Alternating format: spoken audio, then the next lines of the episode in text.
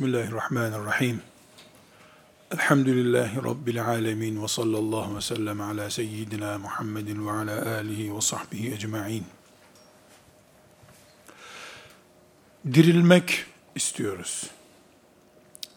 Ümmetimizin gelecek kuşaklarına dipdiri, canlı bir İslam anlayışı aktarmak istiyoruz. Bunu da ashab-ı kiramın yetiştiği malzemelerden olan hadisi şerifle yapmak istiyoruz. Hadislerle dirilmek istiyoruz. Bunun için hadisi şerifleri, İslam'ı, şeriatımızı bize aktaran, öğreten alimleri, ilim yolu yordamını uzun uzun ele almak istiyoruz. Ümmet olarak biz dünya ideolojilerinin oluşturduğu bir ümmet değiliz. Kur'an'la, hadisi şerifle ortaya çıktık. Kur'an ve hadisi şerifi de ilim adamlarımız bize aktardılar. Alimin yerinin, alimin ağırlığının takdir edilmediği bir ortam, Resulullah sallallahu aleyhi ve sellemin Medine'de oluşturduğu ortam değildir. Bunu peşin peşin konuşmamız gerekiyor. Bunu anlamadıktan sonra yani alemin ağırlığının nereden geldiğini anlamadıktan sonra ümmeti Muhammed'in kat edilecek yollarına girilmemiş, girilmemiş demektir. Burada bu dersimizde alimler peygamberlerin varisleridir hadisi şerifine açılım yapmak istiyoruz. Alimleri bir mirasın sahipleri olarak tanımak istiyoruz. Kendi insani kimliklerinden önce varisi oldukları miras açısından onlara bakalım istiyoruz. Alimler peygamberlerin varisleridirler hadisi Ebu Davud, Tirmizi ve İbn Mace'nin rivayet ettiği bir hadistir. Ebu Davud'da 3641. hadis-i şerif, Tirmizi'de 2682. hadis-i şerif, İbn Mace'de de 223. hadis-i şeriftir. Sahih bir hadistir. El ulemâ'u varasetul enbiya. Alimler peygamberlerin varisleridirler. Herhangi bir hadisi şerif elbette bizim için herhangi birisi olursa olsun dindir ve gayedir ve hedeftir. Ama özellikle bu hadisi şerifi burada ele alırken alimlerin peygamberlerin varisleri olarak görülmesi ile ilimle uğraşan adamlar olarak görülmesi arasındaki farkı vurgulamak istiyorum. Akademisyen diyorlar ya, sarıklı hoca diyorlar ya, bu ifadedeki tahkiri vurguluyorum. Hoca ifadesi, hoca diye çağırmaları, bu bakış tarzı başka, peygamber varisi adam başka. İkisi arasında çok fark var. Çünkü bizim temel itikadımız eğer Resulullah sallallahu aleyhi ve sellem peygamberlerin varisleri olarak alimleri görüyorsa ben de derim ki bir mümin olarak peygamberim olmasaydı benim hayatım olmayacaktı. iman hayatım olmayacaktı hala kızlar diri diri gömülüyor olacaktı. Hala insanlar fuhuşu mubah göreceklerdi. Geldi peygamber sallallahu aleyhi ve sellem ve insanlığı bu zor, çetin süreçten hidayete ve cennet yoluna soktu. Varisinin de görevi budur. Nasıl peygamber olmasaydı insanlık bataktaydı. Peygamberin varisleri olmadığı zaman da aktif olarak bulunmadıkları zamanda sonuç bu sonuçtur. Çünkü insanlar peygambere ancak alimlerin kanalıyla ulaşabilirler. Onun için ümmetin içindeki alimler, ümmetin kalbi ve kan hareketliliğini sağlayan unsurudur alimler. Ceset olarak ümmeti düşündüğümüzde, kalbi olmayan bir cesedi ne kadar düşünebiliyorsak, alimleri olmayan bir ümmeti de o kadar düşünebiliriz. Alimlerin kriz içinde olmalarını veya alimlerin nabız sorunu yaşamalarını bir insanın kalbinde nabız sorunu olması gibi algılıyoruz. Nasıl kalp damarlarında sorun olan yani kalbe ulaşan damarlarda sorun olan bir insanın nefesinden yürüyüşüne kadar her şeyi etkileniyor. Hatta yüz rengi farklı oluyor.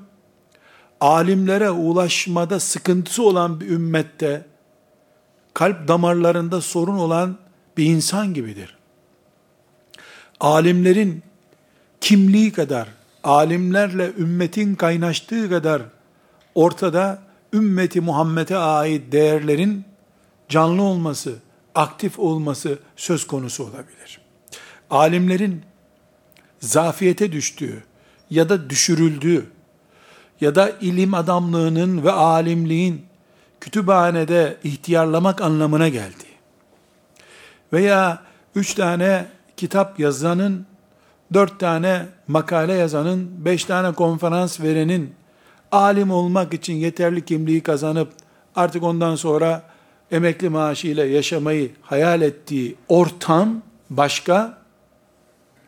İnsanların alimlerini bir kitle olarak, bir kurum olarak kalbi pozisyonunda görüp koruması, kollaması başka bir şeydir.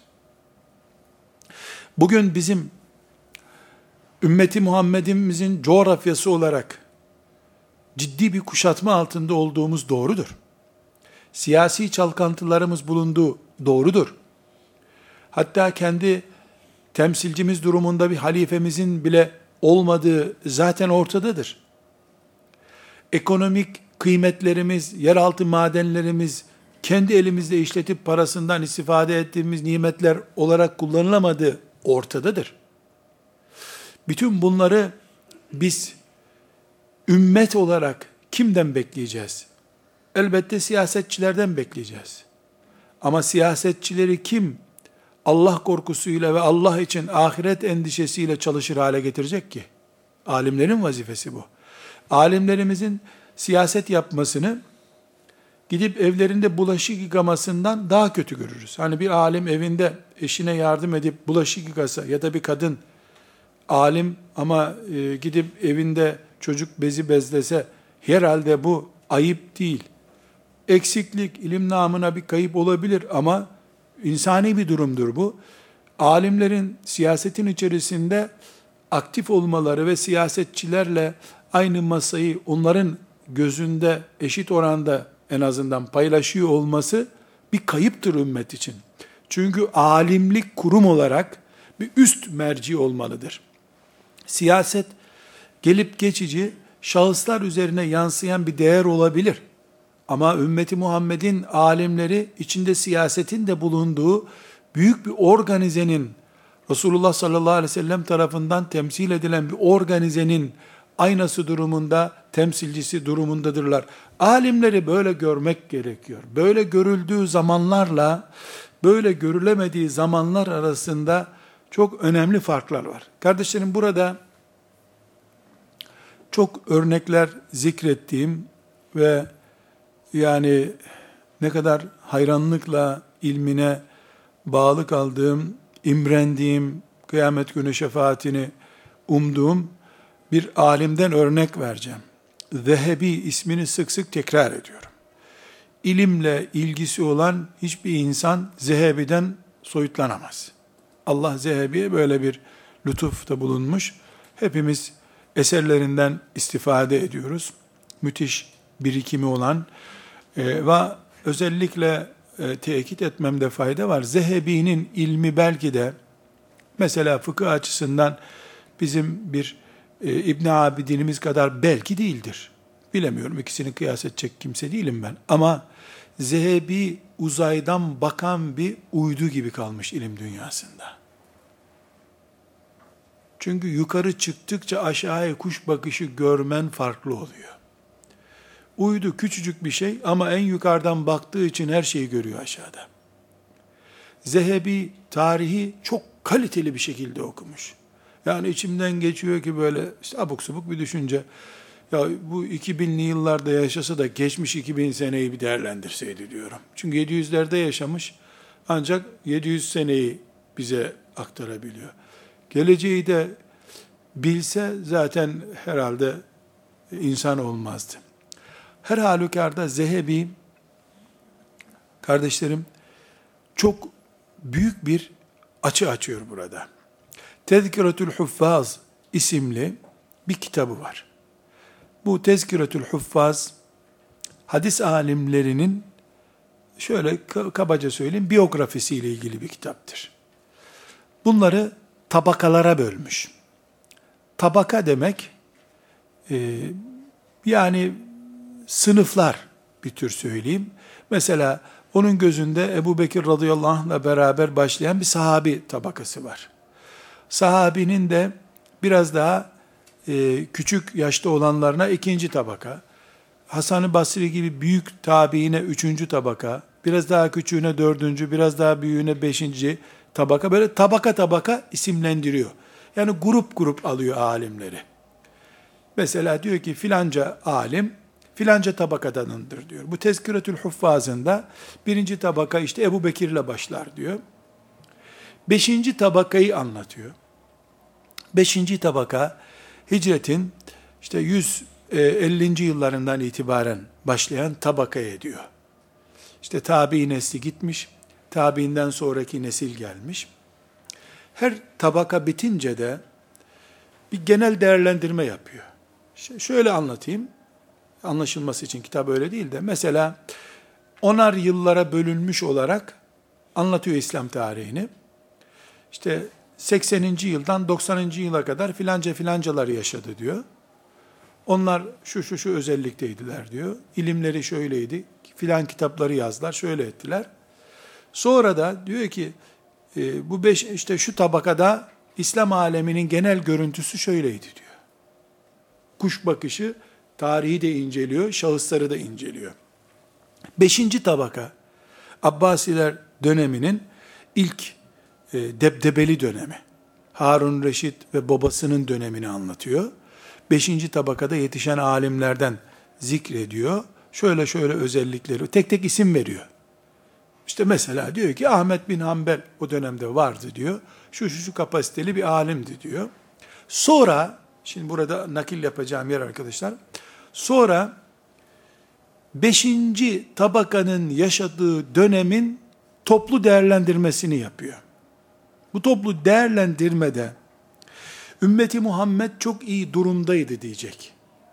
Bu çok iyi durumdayı gerekçelere bağlıyor. Şimdi biz bunu okuyacağım, satır satır okuyacağım. Şunun için okuyacağım arkadaşlar. Zehebi gibi mücevher kafalı bir alimin gözünden hayat nasıl değerlendirilmeli? Ümmeti Muhammed'in mevcut gidişatını nasıl değerlendirmeli? Çünkü Zehebi'nin kafasına bir itiraz yok. Yani bakışı Kur'an ve sünnet bakışlı bir insan. Dünyayı ihmal eden biri değil. Dünyevi e, alanda da çalışmaları var. E, biz de yarın ümmetin durumu nasıl? Mesela İmam Hatip liseleri çok açıldı. Tamam iyi ümmet mi diyelim? Yahut da her şehirde üç tane hastane var. Tamam mı diyelim diye bir karakter ölçümü yapabilecek miyiz diye düşünsek, Zehebi'nin arkadaşlar bu tespiti Tezkiretül Huffaz'da 5. tabak, büyük bir kitap değil Tezkiretül Huffaz, küçük bir kitaptır. Ee, beşinci tabakayı bitirirken, beşinci nesli bitirirken, şimdi dikkat ediniz arkadaşlar. وَفِي زَمَانِ هَذِهِ الطَّبَقَةِ Bu 5. tabakanın günlerinde kânel İslamu ve ehluhu Müslümanlar ve İslam fi izzin tammin tam bir onurlu günlerini yaşıyorlardı. Ve ilmin gazirin çok güzel ilimleri vardı. Ve i'lamil cihadi mensuretun cihad bayrağı dalgalanmış vaziyetteydi. Ve sunenu meşhuretun. Resulullah sallallahu aleyhi ve sellem'in sünnetleri biliniyordu. Vel bid'u mekbutetun. Bid'atlar saklanmak zorundaydı. Vel kavvalune bil hakkı kesirun. Hakkı açıkça söyleyenler çoktu. Yani evirip çevirip konuşmuyordu hakkı konuşacak olanlar demek. Vel ubbadu mutevafirun. Kendisini ibadete adamışlar vardı. وَالنَّاسُ ف۪ي بُلَهْنِيَةٍ مِنَ الْعَيْشِ بِالْاَمْنِ İnsanlar huzur içerisinde yaşıyorlardı. وَكَثْرَةُ الْجُيُوشِ الْمُحَمَّدِيَّةِ مِنْ أَقْصَى الْمَغْرِبِ وَجَزِيرَةِ الْأَنْدَلُسِ وَإِلَى قَرِيبِ مَمْلَكَةِ الْخَطَى وَبَعْضِ الْهِنْدِ وَإِلَى الْحَبَشَةِ Muhammed'in orduları sallallahu aleyhi ve sellem e, batının en ucundan Endülüs'ten Hint okyanusuna ve Habeş sınırına kadar dolaşabiliyorlardı. Ümmeti Muhammed'i değerlendirirken arkadaşlar sosyal ve siyasi kimliği değerlendirirken onurlu olmanın gereği olarak ilim bol bir şekilde vardı diyor. Ve ilmin gereği olarak hakkı söyleyenler vardı diyor. İbadetle meşgul olanlar da vardı. Böyle bir ortamı değerlendirmeye devam ediyor. Ve hulefâ'u hâze zaman bu zamanın siyasi liderleri yani bu beşinci tabakanın yaşadığı zamandaki siyasi ümmetin liderleri Ebu Cafer el-Mansur e, ve e, İbnü onun oğlu İbnü el-Mehdi onun oğlu Mehdi ve onun oğlu e, Harun Reşit dediğimiz zattı. Şimdi bu isimleri sayıyor. İsimleri tanımamız çok önemli değil. Ebu Cafer el-Mansur çok kabul görebilecek bir adam değil aslında. Zalim biri. Bildiğimiz zalim. Yani Abbasi hilafetinin koltuğu otursun diye her şeyi göze almış. Cehenneme bile razı olmuş yeter ki hilafet elinden gitmesin. Böyle bir adam. Hemen hemen Abbas halifeleri ve Ömer bin Abdülaziz hariç, Muaviye radıyallahu anh hariç, e, Ümevi halifeleri için de aynı şey üç aşağı beş yukarı geçerlidir zaten. Burada arkadaşlar bir değerlendirme yapıyor. Şimdi ümmetin genel karakterini çizdi yukarıda tablo olarak. Bu bu özellikler var dedi. Şimdi Ebu Cafer el-Mansur'u anlatacak bu zamanın siyasi lideri olarak. Ve eyne mislu Ebi Cafer fi dünya diyor. Ala zulmin fi. Zalim bir adamdı ama Ebu Cafer'in benzerini bir daha görmedik ki diyor. Neden? Şecaatli, kararlı, istikrarlı, edebiyattan anlar, heybeti bilir bir adamdı diyor. Burasına takıldım ben. Değerlendirme yaparken, Ebu Cafer el-Mansur'un karakter olarak değerlendirmesini yapıyor. Siyasi kimlik olarak değerlendirmesini yapıyor ümmete dönüş, ümmetin ondan istifadesine baktığımda, ilim, siyaset, huzur ve hakkı konuşmak, sünnetlerin oturmuş olması, bid'atlerin gizlenmek zorunda kalmış olması gibi pencerelerden bakınca da Ebu Cafer'den istifade et ümmet diyor. Zulmünün cezasını çeker kıyamet günü, ama ümmetim onun gününde huzurlu günler yaşadı diyor. Burada Harun Reşit'ten de örnekler veriyor. Bu zamanda diyor İbrahim bin Edhem, Davud-u Ta'i, Süfyan-ı Sevri gibi e, Allah dostu takva insanlar vardı.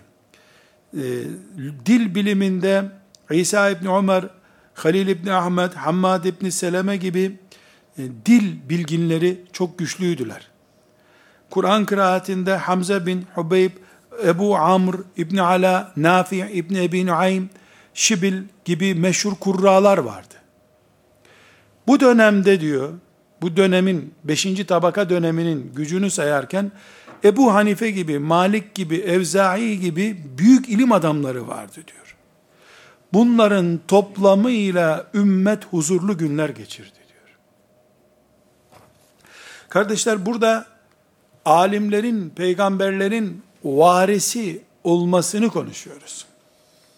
Zehebi ümmeti Muhammed'i yukarıdan seyrederken yıllardan bir yılda 150 ile 200 arasında bu bahsetti. Hicretin 150 senesi ile 200. senesi arasındaki tarihleri söylüyor.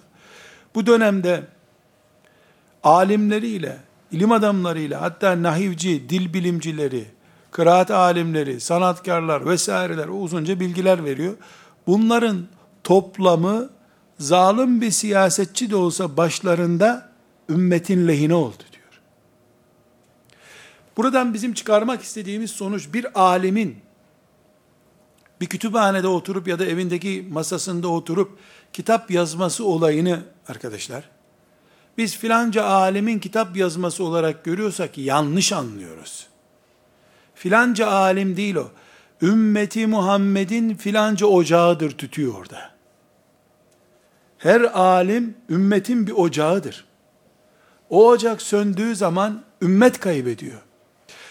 Bunlar e, bir, bir arada zikredildiğinde, işte Evzailer, Sevriler, Ebu Hanifeler, Malikler bir arada zikredildiğinde muazzam bir tablo görülüyor.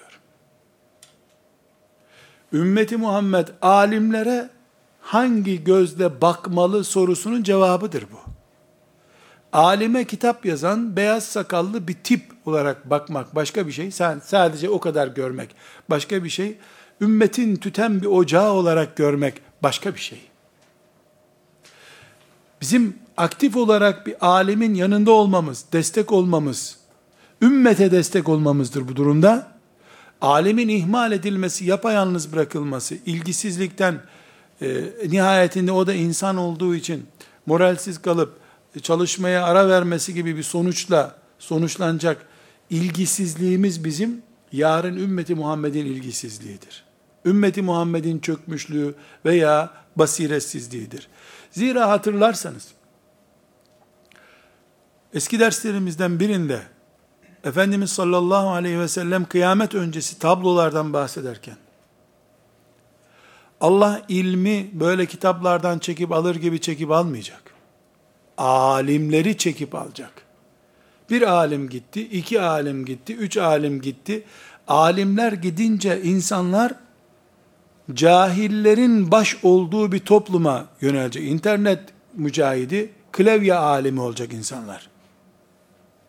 Klavye alimlerine emanet edilmiş bir ümmetin vay haline. Vay haline o ümmetin. Bu sebeple alimlerin bulunduğu yer, peygamberlerin varisi oldukları yerdir. Onlar bunu ne kadar hak ediyorlar, etmiyorlar, onlar ile Rableri arasındaki bir iştir bu. Burada İmam Şatibi'den bir nakil yapmak istiyorum. İmam Şatibi muvafakatında alimin yani ümmeti Muhammed'in ilmini taşıyan, ümmeti Muhammed'in ilmine sahip olan kişinin kimliği üzerinde konuşuyor. Kimdir alim? Filan yerde fetva veren müfti, bu caizdir, bu caiz değildir diyen kimdir? Böyle bir soru sorunca, buna cevap veriyor. Diyor ki, İmam Şatibi rahmetullahi aleyh, ve alel cümleti, genel olarak, fel mufti, yani ümmeti Muhammed'e caizdir diyen, haramdır diyen müftü, muhbirun anillahi ken nebiyyi peygamber gibi Allah'tan haber veren kişi demektir müfti. Ve muki'un lişşeri'ati ala ef'alil mükellefine bihasebi nazarihi ken nebiyyi. Bu farzdır. Bu haramdır. Bu mekruhtur diye ef'ali mükellefini yani dini hükümleri pratiğe dökerken kendi nazarıyla bunu yapıyorsa da peygamber gibi bir iş yapmaktadır. Bunu farzlar bölümüne koyalım. Şunu sigortayı filanca bölüme koyalım. Kürtajı filan bölüme koyalım derken tıpkı peygamber aleyhisselam gibi bir tasnif yapıyor. وَنَافِذٌ اَمْرُهُ fil ümmeti bimenşûril hilafeti halifenin onayıyla ümmetin içerisinde alimin bir görüşü uygulanırken bir menşuril hilafeti kennebiyyi Peygamber aleyhisselama halifelik makamının otoritesini kullanıyor. Dolayısıyla ümmeti Muhammed'in içerisinde alimler Allah'tan haber verirken, insanların eylemlerini bir kalıba oturturken, siyasi otoritenin içinde emirlerini infaz ettirirken, her üç durumda Peygamber aleyhisselamın yaptığını yapıyorlar. Peygamber değiller ama. Ve sonra diyor ki, وَلِذَٰلِكَ وَلِذَٰلِكَ Bu üç şeyden dolayı Allah'tan haber veriyor, peygambere benziyor. Peygamberden öğreniyor ayrı bir konu ama neticede Allah der ki diyor. Aynı şekilde şeriatın neresinde bu olay diye bir oturtma yapıyor. Ve aynı şekilde şöyle olsun diye emir veriyor, siyasete yön veriyor. Bu üç pozisyondan dolayı وَلِذَٰلِكَ سُمُّوا ulil emr. Bunun için Kur'an-ı Kerim'de Ati'u Allah ve ati'u Rasule ve ulil emri minkum diye ulul emr diye anılmışlardır. Ve kurinet ta'atuhum bi ta'atillahi ve rasulihi. Bunun için Allah'a ve peygambere itaatle beraber alimlere itaat de zikredilmiştir. Nerede? Nisa suresinin 59. ayetinde Ya eyyühellezine amenu Ati'u Allah ve ati'u Rasule ve ulul emri minkum. Ey iman edenler Allah'a itaat edin, Resul'e itaat edin ve sizden olan ulul emre itaat edin. Bu ulul emr kimdir? Ulul emr alimlerdir. Alimlerle yol kat eden siyasetçilerdir. Ümmetin yöneticileridirler. Çünkü ayet çok açık bir şekilde sizden ifadesini kullanmaktadır. Sizden olan yani sizin gibi mümin olan ulul emre itaat edin. Kim olur? Bu alimler olur. Kim olur? Alimlerin Allah'tan ve peygamberden anladıkları ölçülere sadık kalan siyasetçiler olur, yöneticiler olur, ümmetin yöneticileri olur.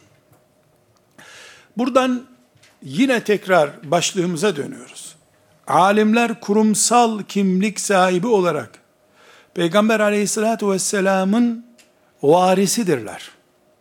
Alimleri diplomalarından, icazetlerinden dolayı, sarıklarından, sakallarından dolayı, cübbelerinden, kıyafetlerinden, kürsülerinden dolayı, camilerdeki konuşmalarından, minberlerinden dolayı değil, hatta ve hatta sahip oldukları ilimlerinden dolayı değil, varisi oldukları Resulullah sallallahu aleyhi ve sellem'den dolayı sahipleniriz.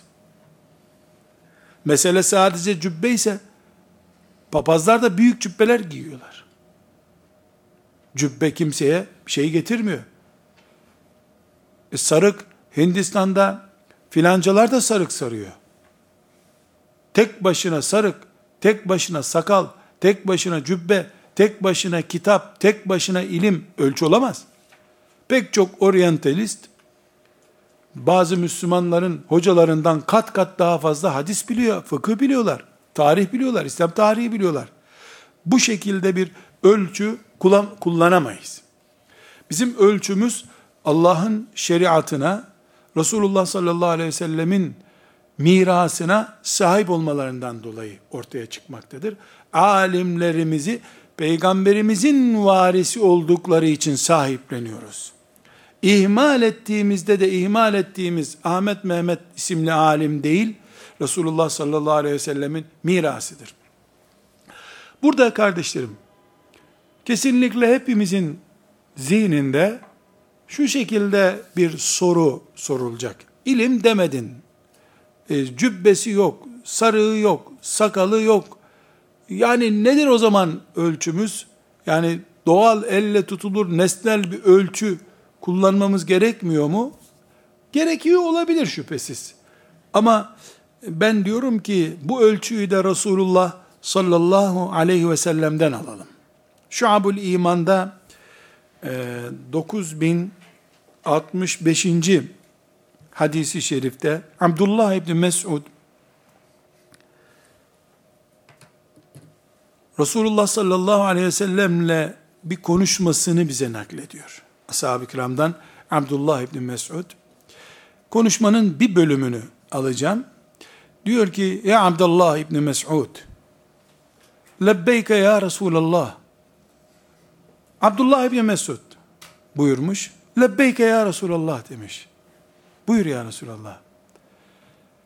Üç kere bu şekilde beni çağırdı diyor. Abdullah İbni Mes'ud, lebbeyke ya Resulallah. Abdullah İbni Mes'ud, lebbeyke ya Resulallah. diye üç kere tekrar etmiş. Efendimiz sallallahu aleyhi ve sellemin eğitim metotlarından biri de tekrardır. Yer yer üç kere tekrar ettiği olmuş.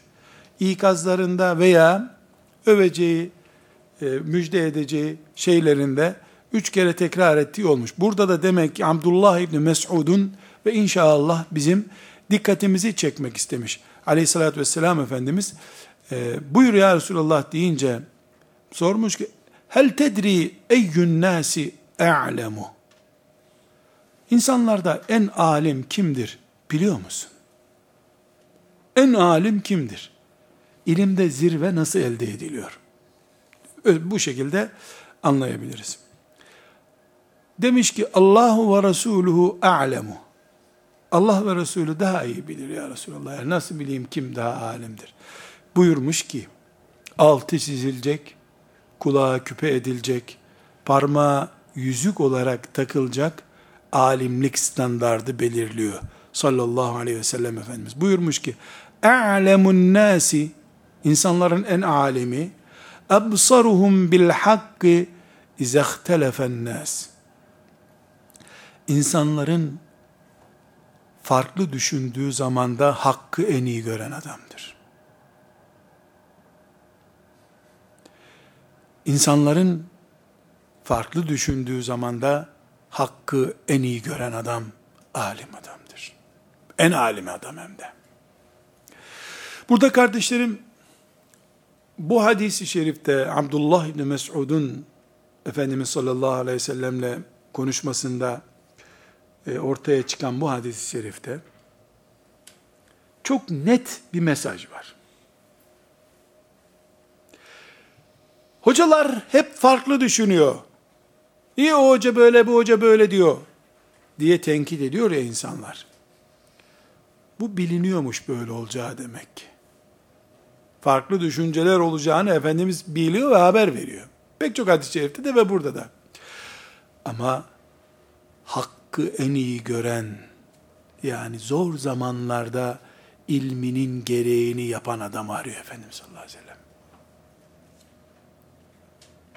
Ölçüsü hak, Kur'an'a sadakat, Resulullah sallallahu aleyhi ve sellemin hadisi şerifine sadakat. Herkes gevşeyebiliyor, o gevşemiyor. Bunun ümmeti Muhammed'in tarihinde yüzlerce örneği var kardeşler. Ahmet bin Hanbel en muhteşem örneğidir. Ebu Cafer'in karşısında dik duran Ebu Hanife en muhteşem örneklerindendir. İmam Malik muazzam bir örnektir. İnsanlar iktidardan etkileniyorlar, reklamdan etkileniyorlar, baskıdan etkileniyorlar.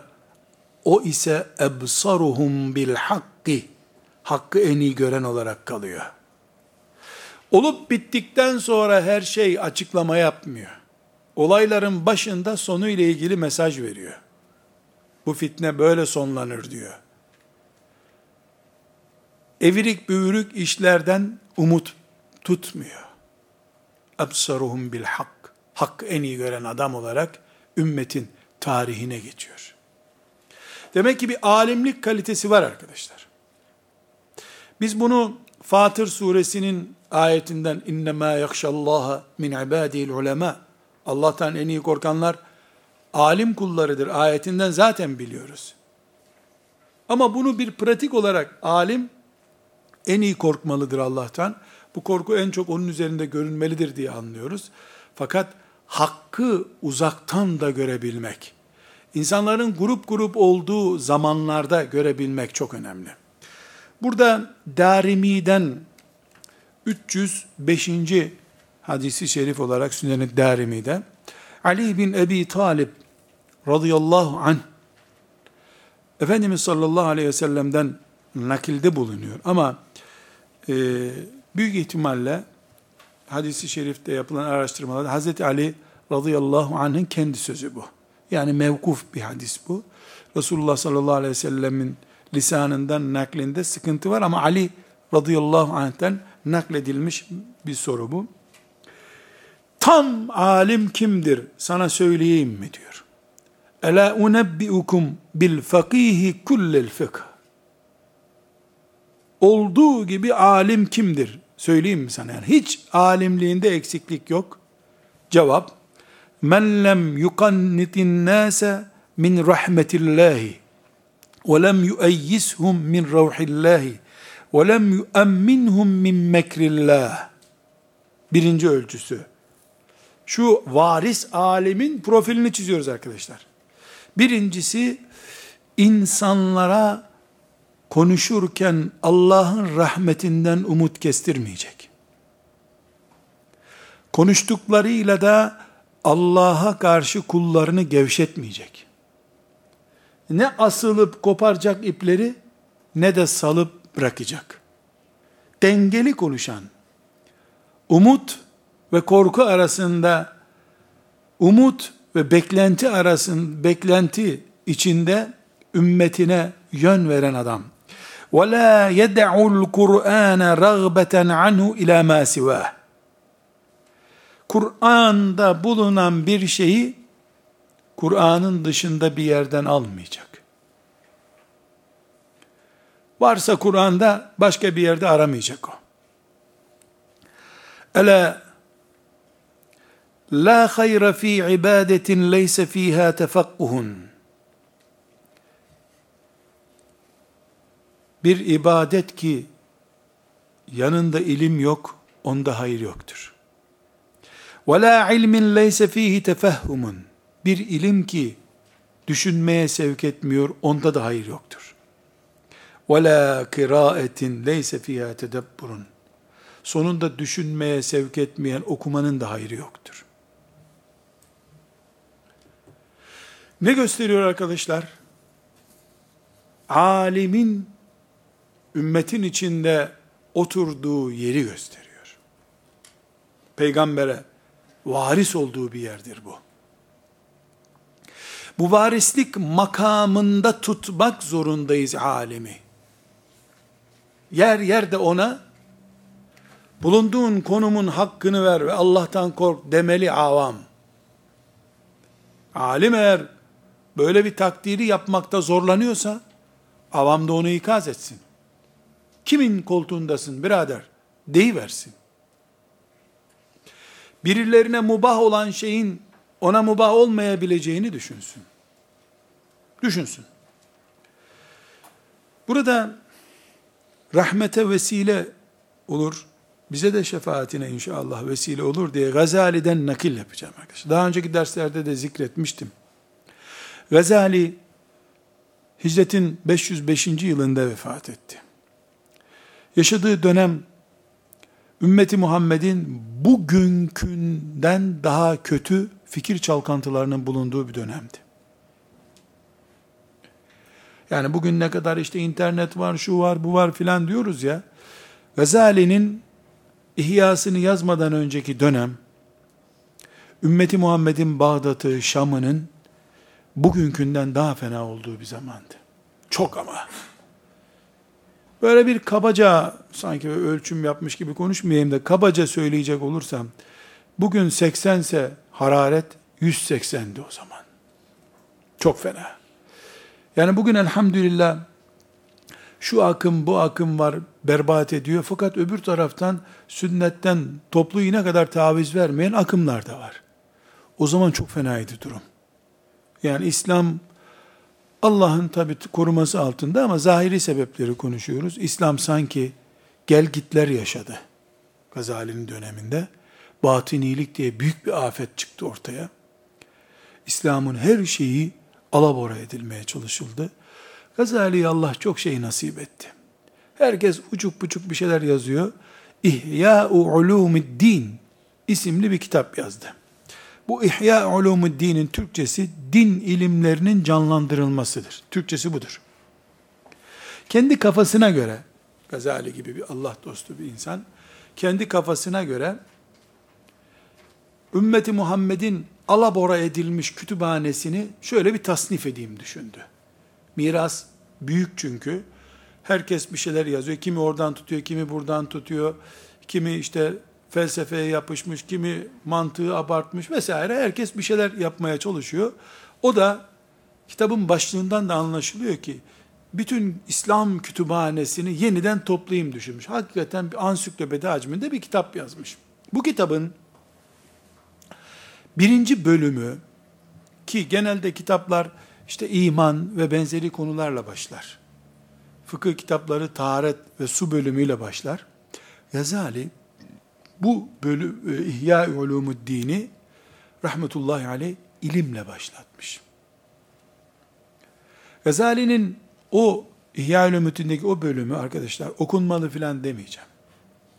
O İhya'nın o bölümü kesilip alınıp müstakil olarak basılıp ilim yoluna girecek talebelere hani üniversite imtihanı var ya 5000 soru çözüp ancak çalışabiliyorsun. Onu 70 defa okuyanlar medreselere talebe olarak alınmalı. Sonra her ay o bilgiyi unutup unutmadığı hani les imtihanı yapılıyor ya 5 yılda bir mi ne kadarsa İhya Ulumuddin'in giriş bölümünü unuttun mu unutmadın mı diye test edilmeye değer. Muhteşem bir şey. Türkçesi de var biliyorsunuz İhya Ulumuddin'in. İnşallah duydum Yeni bir baskısı da yeni bir tasnifle herhalde hazırlanıyor İhya Ulumuddin'in. Yani İhya Ulumuddin önemli kitap. İçinde kendine mahsus sorunlu bir kişinin bir kişinin yazdığı bir ansiklopedi içinde bir sürü hadis, zayıf hadisler filan vesaire sorun da var. Ama kütüphane bu. Koca bir kütüphane. Fakat ilim bölümü ezberlenmeli. Adeta. Muhteşem bir şey. Allah Gazali'ye rahmet eylesin bir defa yeni çıkışları var orada. Tasnif getiriyor. Geçen derslerde zikrettim. Mesela dönemindeki alimlerin sadece fıkıh kitaplarıyla, tefsirlerle meşgul olup tıbbı Hristiyanlara bırakmasını ayıplıyor. Yakıştıramıyor bunu bir Müslümana. Bu bir bakış tarzı. İlmi nasıl gördüğünü anlatıyor Gazali'nin. Burada arkadaşlar ilmi ve alemi çok geniş bir şekilde ele alıyor.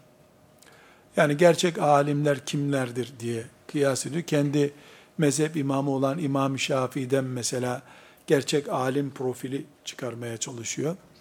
Ee, ümmetin büyükleri Sevrilerle ilgili, Evzailerle ilgili güzel profiller çiziyor. Yani keşke vaktimiz olsa da o bölümü şöyle oturup ders olarak okusak diyorum ama en azından arkadaşlar e, Türkçesi e, bol mütedavil bir şekilde piyasada var.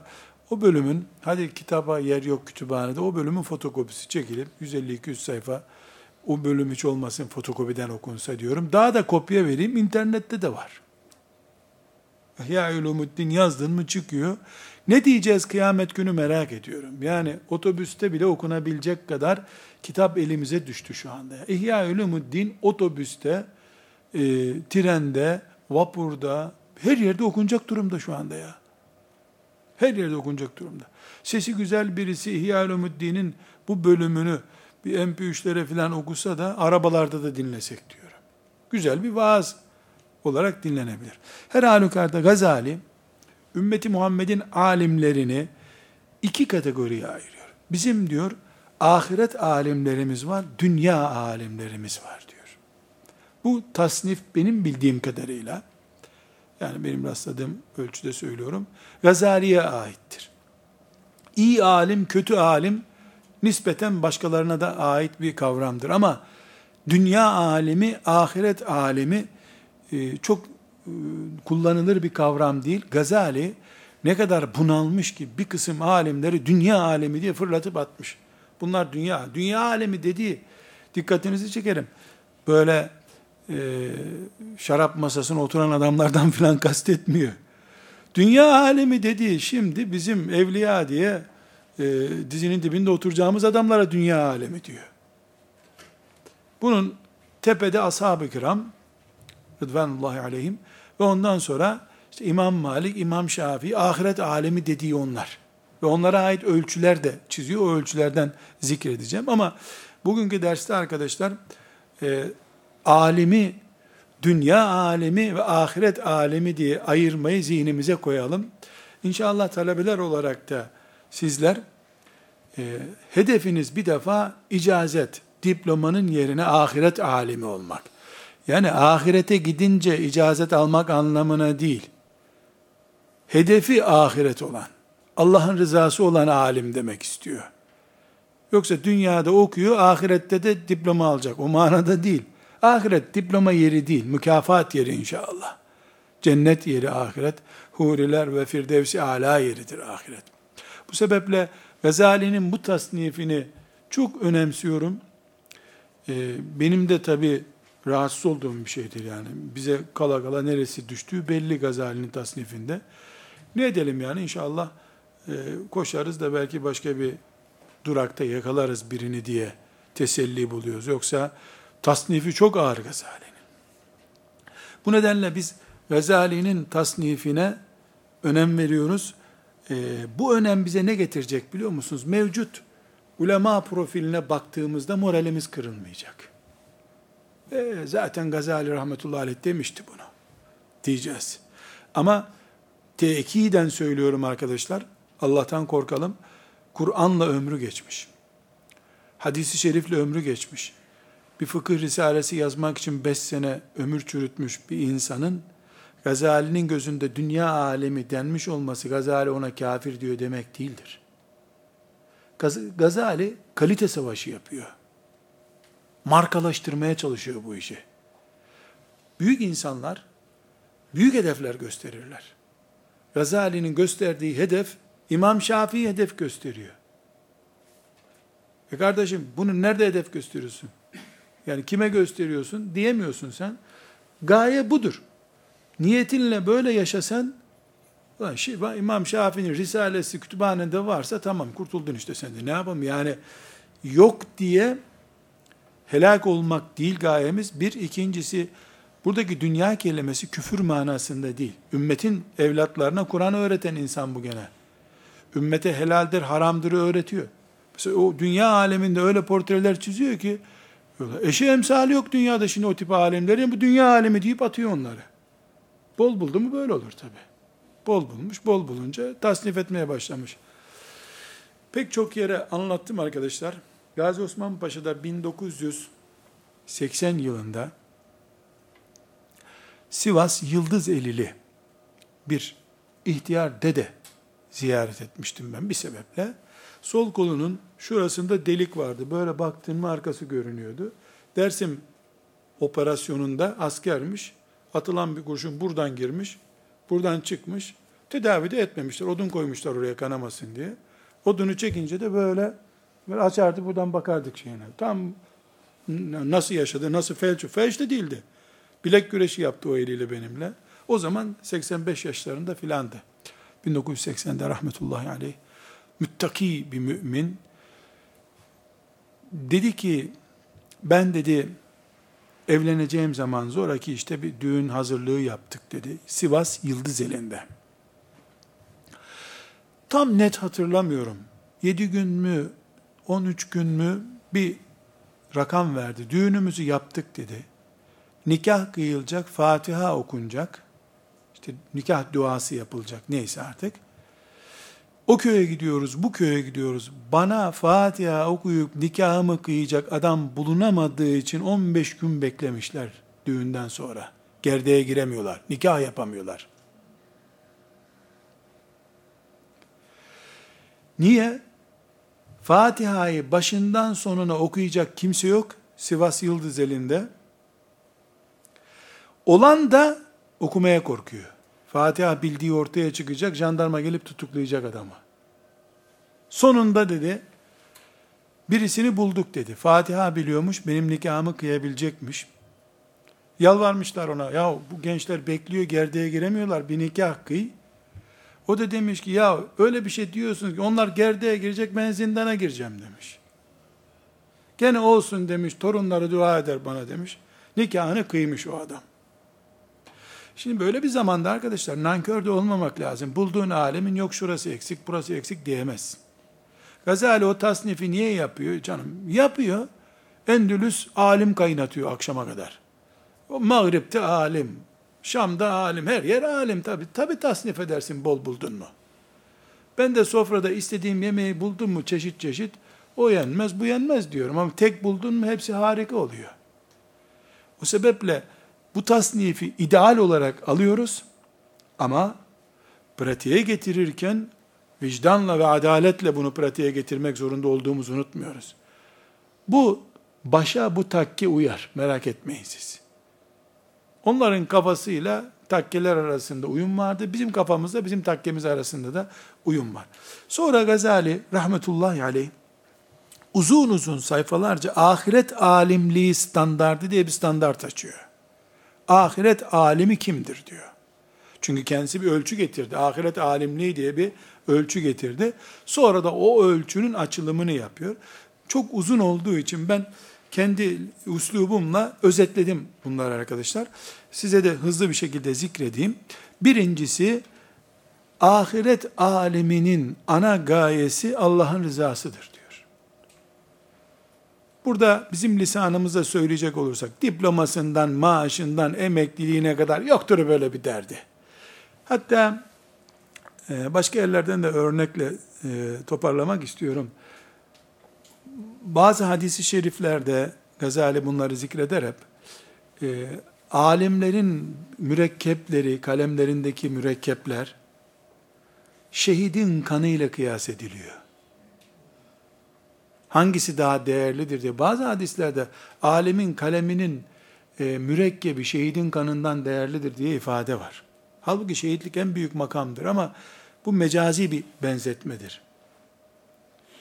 Buna kıyasla deniyor ki alim Uhud'daki şehidin heyecanıyla kitaplarına sarılan adamdır.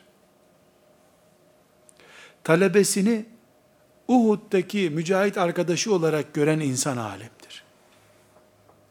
Babam Allah selamet versin ona ve sizin babalarınıza hep derdi alim, hoca kolunda saat olmayan adamdır.